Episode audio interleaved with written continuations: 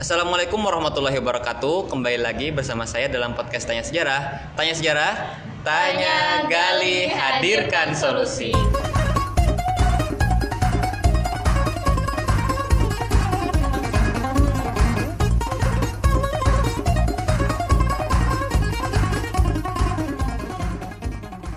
Nah, baiklah para pendengar sekalian, hari ini kita akan membahas tentang dakwah Syria. Nah, dakwah Syria itu uh, salah satu fase dakwah yang dilalui oleh Rasul sebelum nanti uh, akan ada juga membahas tentang dakwah Zohriyah. Nah, gimana sih dakwah Syria itu? Untuk mengupas lebih lanjut tentang dakwah Syria, saya di sini bersama dengan dua orang uh, pemateri yang merupakan expert di bidangnya masing-masing.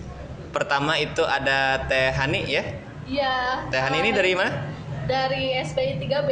Teh SPI 3B. Terus ada Teh Zahra. Iya. Dari SPI juga Teh? SPI 3D. Oh, beda kelas berarti? Beda dong. Beda ya. Oke. Em, baiklah ini langsung saja eh, kepada teteh-teteh ini atau pertama kepada Teh Zahra dulu ya. Dakwah Syria itu sebenarnya apa sih Teh? Jadi dakwah Syriah itu kan seperti yang tadi Kak Hiram bilang kan, jadi salah satu fase dakwah Rasulullah gitu ya, yang dilalui, dilalui sama Rasulullah. Jadi dakwah Syriah itu sendiri adalah dakwah yang dilakukan sama Rasulullah Shallallahu Alaihi Wasallam secara sembunyi-sembunyi gitu. Terus kan kadang eh, kebanyakan orang bertanya gitu, kenapa harus sembunyi-sembunyi gitu? Karena em, salah satunya itu menyesuaikan sama keadaan pada masa itu gitu, di mana kaum pas masa itu kan eh, masyarakatnya dominan kaum kafir Quraisy ya, jelasnya. iya. Terus em, alasannya juga salah satunya itu untuk menghindari tindakan-tindakan buruk eh, dari kaum kafir Quraisy itu sendiri terhadap Rasulullah gitu. Karena kan eh, nggak mungkin gitu ya eh, Rasulullah langsung menyebarkan sesuatu yang dianggap serius gitu di tengah eh, masyarakat yang berbeda dengan apa yang dibawakan sama Rasulullah. Gitu. Oke, berarti eh, menghindari katanya tadi tindakan-tindakan negatif. Ya. Tindakan negatifnya itu seperti apa kira-kira?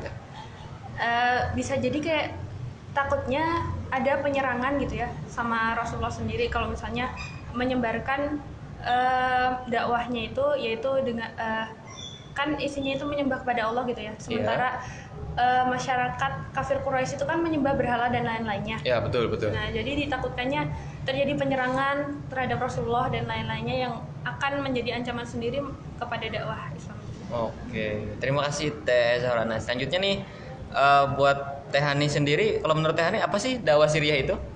eh, dakwah eh, yang dilakukan Nabi secara sembunyi-sembunyi. Nah, di sini kenapa eh, Rasulullah itu melakukan dakwah secara sembunyi-sembunyi? Karena ada kekhawatiran dari Rasulullah gitu, ketika menyebarkan agama Islam secara langsung.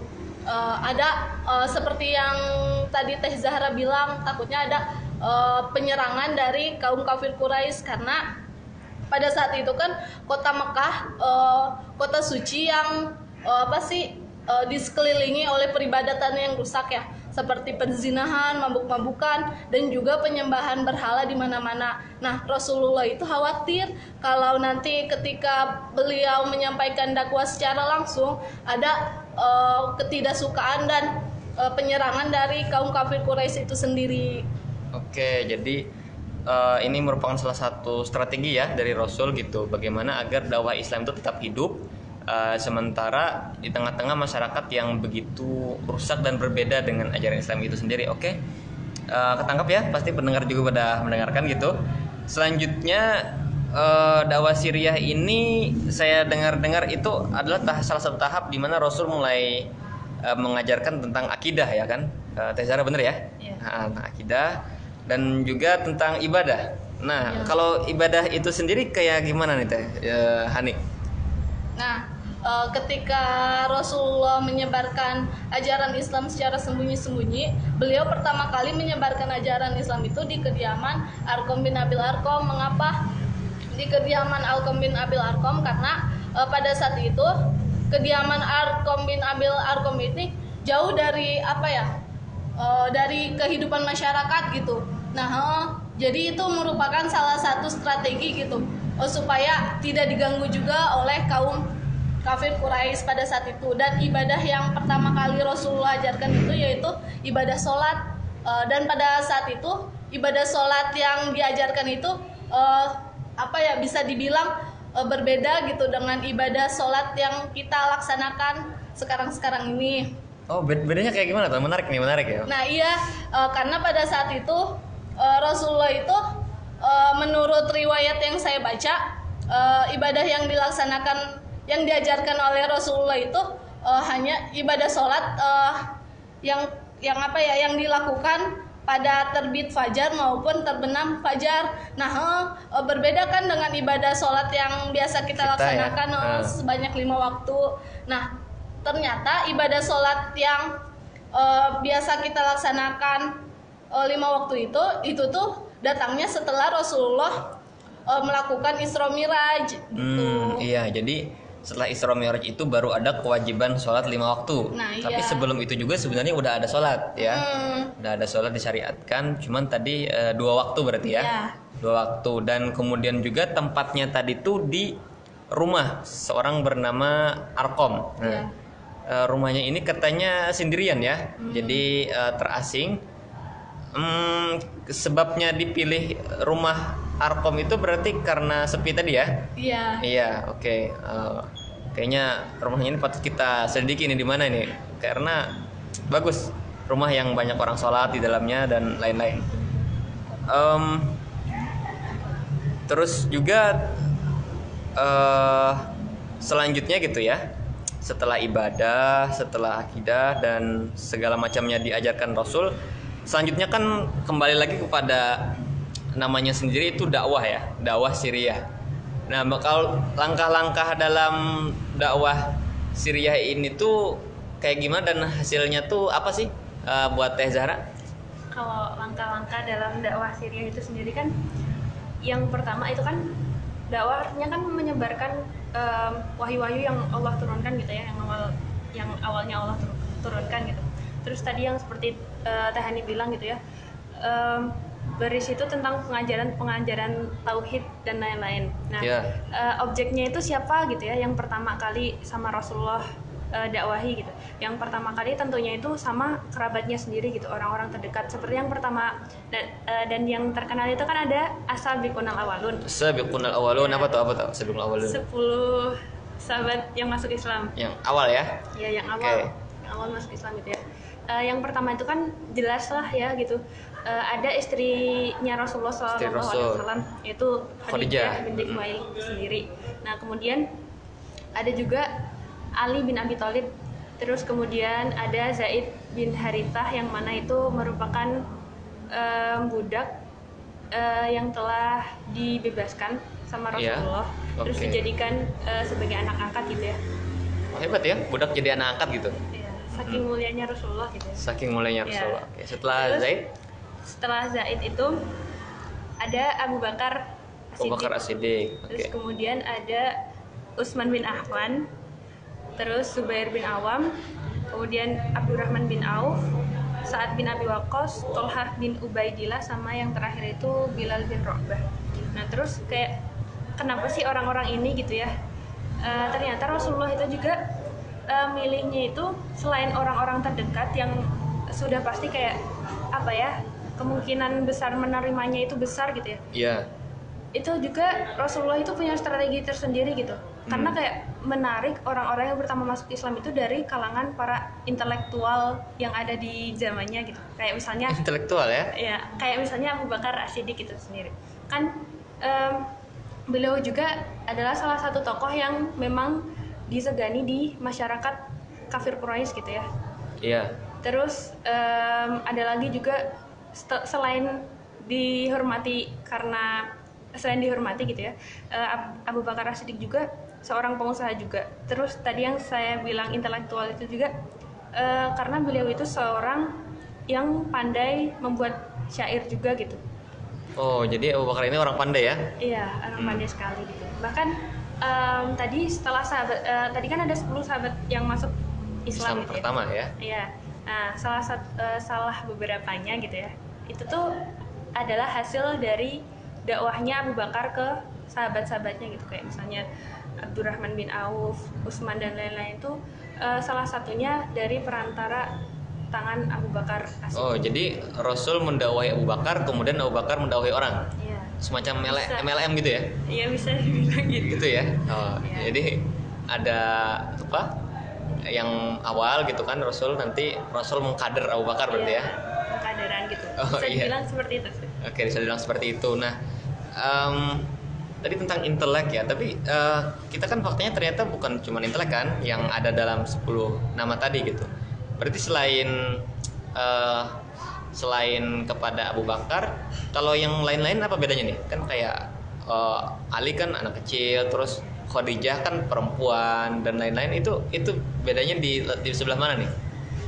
Eh, kayak misalnya Ali, Khadijah dan lain-lain itu kan em, emang orang-orang yang deket gitu ya sama Rasulullah. Hmm, iya iya. iya. Eh, Kerabat ya. Iya, jadi kerabat yang emang eh, Rasulullah sendiri melihat bahwa kayak misalnya Ali itu kan ya, walaupun masih anak kecil ya, mungkin karena apa ya dilihat itu punya potensi gitu ya. Mm-mm.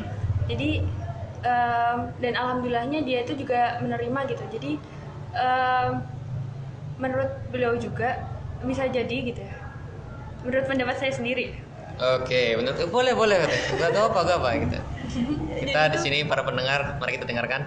Iya, jadi itu em, bisa jadi Rasulullah sendiri itu sudah eh, sudah melihat kayak potensinya Ali, Ali, bin Abi Thalib gitu ya. Terus kayak yang lain eh, Utsman bin Affan, Abdurrahman bin Auf juga eh, itu salah satu juga eh, apa ya orang-orang yang terkemuka gitu di kalangan kaum kafir Quraisy, kalangan kaum Quraisy gitu ya. Iya. Eh, kayak misalnya eh, selain Abu Bakar juga ada Abdurrahman bin Auf yang merupakan pengusaha yang sukses dan lain-lain. Jadi eh, ketika orang-orang yang terkemuka itu udah bisa dirangkul, eh, ini merupakan salah satu poin plus gitu, bisa menyebarkan Islam itu dengan mudah ke masyarakat-masyarakat gitu. Kalau kan kalau orang yang udah terpandang gitu terus ngomong itu kan kadang kita dengerin gitu ya, beda sama orang-orang yang Lemah gitu ya. ya bukan mah yang biasa aja gitu Oh, ya biasa aja, oke. ya gitu kadang em, mendeng- eh, jarang didengarkan orang tapi kalau orang yang udah ngomong itu si A yang udah terkenal dan lain-lain itu kan kadang kita mendengarkan Oke, berarti di sini Rasul juga melihat eh, strateginya melihat kepada figur-figur juga ya. Jadi Rasul juga selain mencari apa? Selain mendakwahi kerabat terdekat, beliau juga mendakwahi orang-orang yang ternyata gak kerabat-kerabat amat, cuman sudah mentereng gitu. Dan lewat kementerengannya inilah mereka akhirnya bisa menjadi kader-kader dakwah selanjutnya. Luar biasa ya. Dakwah Rasulullah ini da- dalam apa istilahnya? tadi dakwah Siriah ya dakwah sembunyi-sembunyi tapi berhasil mencetak seorang seperti Abu Bakar yang bisa mendakwahi teman-temannya sendiri. Tadi ada Abdurrahman bin Auf dan Utsman bin Affan dan selanjutnya dan selanjutnya. Bahkan termasuk Bilal bin Rabah juga kan dibebaskannya oleh Abu Bakar gitu. Berarti Abu Bakar ini memang beliau banyak sumbangsinya untuk Islam. Nah em, kalau selanjutnya ti?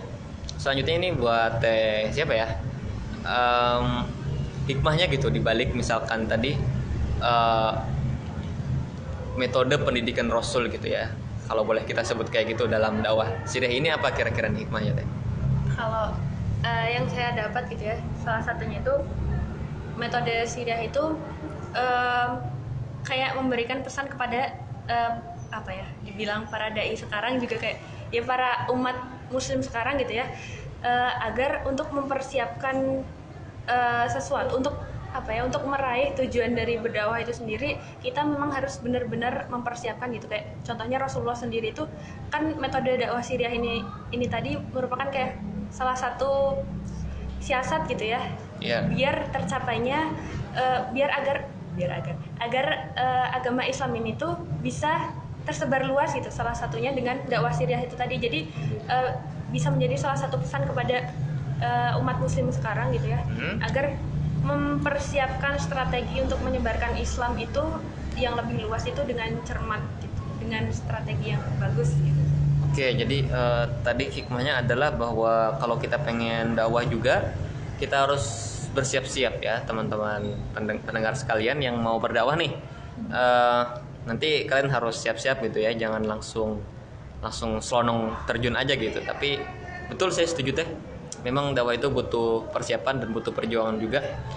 Kalau hmm, Teh Hani sendiri ini memandang dakwah Syriah ini gimana nih eh, hikmah yang bisa kita ambil apa kira-kira nih?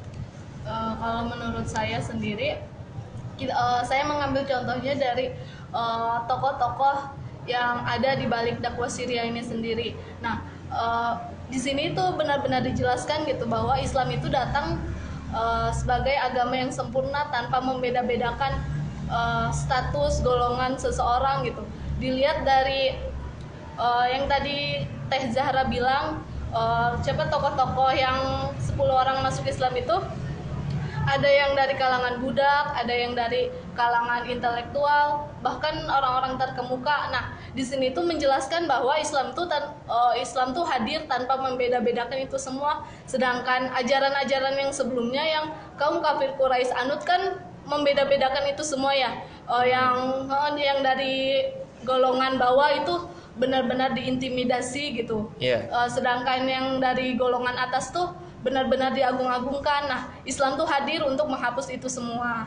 Asik. Jadi luar biasa ya Islam ternyata eh, para pendengar sekalian dakwah Syriah ini akhirnya kita tahu bahwa Islam itu tidak menghasilkan sekat-sekat sosial tapi justru me- apa, mengaburkannya gitu ya.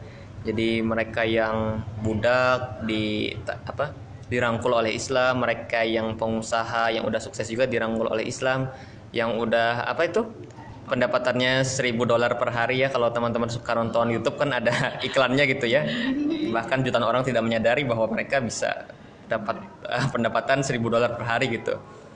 Luar biasa eh, kepada teteh-teteh ini mungkin paling pertanyaan terakhir ya kayaknya teh ya. Eh, kalau batasnya gitu batas dakwah Syriah ini periode dakwah Syriah ini sampai mana? Dari mana sampai mana emang? Jadi boleh dijawab siapa aja? Iya. iya kalau dari saya sendiri ya em, dari buku ya sumber-sumber yang didapat gitu ya bahwa dakwah Syriah ini ini tadi tuh em, berlangsung selama tiga tahun gitu. Tiga tahun ya? Tiga tahun. Lumayan. jadi eh, nanti setelah eh, kan dari dari tadi yang dijelasin sama Teh Hani gitu ya eh, Rasulullah membuat suatu apa ya pengajarannya itu di rumah Arkom bin Abil Arkom yang nantinya itu menghasilkan em, orang dari sumber yang saya baca itu kurang lebih ada 40 orang laki-laki dan perempuan yang sudah masuk Islam gitu ya dari budak dari orang yang tertindas dan dari yang macam-macam gitu itu masuk Islam. Nah setelah itu ada perintah dari Allah eh, untuk melakukan dakwah itu secara terang-terangan gitu. Secara terang-terangan. Iya. dan itu setelah udah tiga tahun dilaj- dijalani ya tahun, iya. dakwah Syria ini. Oke. Em, udah sih kayaknya. Kalau teknis sendiri mungkin ada yang mau di ini lagi dari dakwah Syria ini kira-kira apa nih yang bisa kita ambil gitu? Terutama tadi tentang hmm, apa rumah Arkom ya? Iya. rumah Arkom terus tadi ada tentang sahabat juga eh, Abu Bakar dan lain-lain. Itu gimana teh? Nah, ya eh, dari pandangan saya sendiri eh, eh, bahkan eh, rumah Arkom bin Abil Arkom itu bisa dibilang sebagai cikal bakal lembaga pendidikan saat ini gitu. luar biasa Mm-mm. Gimana tuh, gimana? Eh, mengapa bisa dibilang seperti itu? Karena pada saat itu Rasulullah mengajarkan benar-benar agama Islam itu eh, di rumah tersebut itu secara berhalko-halko. Eh, Nah, iya eh, seperti yang zaman sekarang juga kan eh, pengajaran Islam, pengajaran di dalam Islam itu diajarkan eh, dengan berhalko-halko Eh, seperti adanya lembaga kutab, terus madrasah-madrasah. Nah, itu tuh eh, menurut saya gambaran awalnya itu ya pengajaran yang ada di rumah Alkom bin Abil Arkom itu sendiri gitu. Dan Rasulullah itu mendapat pengajaran terbaik itu dari guru terbaik yaitu malaikat Jibril itu sendiri gitu. Nah, iya, berarti kan eh, apa sih pengajaran di dalam Islam tuh begitu sempurna, begitu mulia gitu. Eh, diajarkan oleh eh, malaikat Jibril yang yang mengajarkan eh, apa sih cara membaca kepada Rasulullah, eh, terus tata cara berwudu kepada Rasulullah, terus kemudian eh, tempat pengajaran yang berada di rumah Arkom bin Abil Arkom hmm, yang yang menjadi cikal bakal lembaga pendidikan saat ini. Nah, itu begitu luar luar biasanya Islam saat ini gitu. Oke, terima kasih buat Teh Eh, jadi tadi kalau boleh saya simpulkan dikit ya bahwa hmm, ini disebut dakwah Siriah teman-teman. Nah, jadi Siriah itu artinya sembunyi-sembunyi. Nah, dakwah tapi sembunyi-sembunyi gimana tuh? Nah, eh, jadi Rasul itu pertama mendakwahi kerabat beliau itu ada Khadijah binti Khuwailid, kemudian ada juga eh, Ali bin Abi Thalib, ya Ali bin Abi Thalib itu keponakan beliau sendiri dan lain-lain gitu. Eh, selanjutnya juga ada juga dari golongan orang-orang terkemuka tadi Abu Bakar dan Abu Bakar itu akan beliau akan mendawahi uh, sesama entrepreneur juga di samping beliau sendiri entrepreneur. Nanti ada juga yang samping-samping beliau itu Utsman Utsman bin Affan kemudian Abdurrahman bin Auf gitu. Bahkan kalau tidak salah Abdurrahman bin Auf itu dulu namanya bukan Abdurrahman gitu. Tapi sama Abu Bakar malah dikasih nama gitu ya menurut salah satu sumber. Nah uh, habis itu uh, ada juga dari golongan budak ya. Termasuk tadi Bilal bin Rabah dan lain-lain lah ya. Banyak budak memang yang dibebaskan oleh Rasul sendiri ataupun oleh Abu Bakar. Nah, dan akhirnya mereka kemudian ternyata tidak hanya didakwahi misalkan baca syahadat kemudian selesai tapi mereka juga dididik di sini. Nah didikannya itu venue-nya tempatnya adalah di rumah Arkom gitu. Rumah Arkom ini agak terpencil dikit. Ya, mungkin kalau orang-orang pada diam di komplek, dia diam di gang sebelah mana gitu ya. Agak beda sendiri gitu.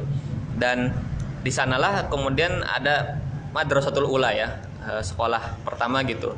Lembaga pendidikan yang uh, nantinya akan diteruskan oleh madrasah-madrasah di zaman bahkan sampai sekarang gitu ya. Dan luar biasanya uh, orang mereka ini diajarkan tentang uh, akidah, tentang ibadah juga, termasuk sholat tadi, pembiasaan sholat, sampai diestimasi oleh Teh Zaro tadi ada sekitar 40 orang. Itu udah laki-laki, udah perempuan. Mereka semua uh, mendapatkan didikan yang luar biasa dari Rasulullah gitu. Selama dakwah Syria ini dan dakwah Syria ini berlangsung selama tiga tahun ya. Dan terhitung agak aman ya belum ada sedikit cekcok dengan orang kafir. Nanti kalau yang cerita-cerita tentang penyiksaan terus pemboikotan itu nanti setelahnya ya dakwah Zoriyah dan itu akan insya Allah akan kita bahas uh, di minggu depan teman-teman ya. Jadi ini sekian dulu da tentang dakwah Syria ya. Ingat terus tetap berlangganan bersama uh, podcast Tanya Sejarah. Insya Allah kita akan update setiap minggunya. Dan gak ada tanggal merah untuk podcast tanya sejarah ya. Teman-teman silahkan dengarkan di aplikasi tercinta Spotify. Um, ya kita insya Allah akan bahas lagi tentang dakwah Zuriyah di minggu depan. Oke saya akan undur diri begitu juga dengan teteh-teteh sekalian. Nah, untuk menutupnya mari sekali lagi tanya sejarah. Tanya gali hadirkan solusi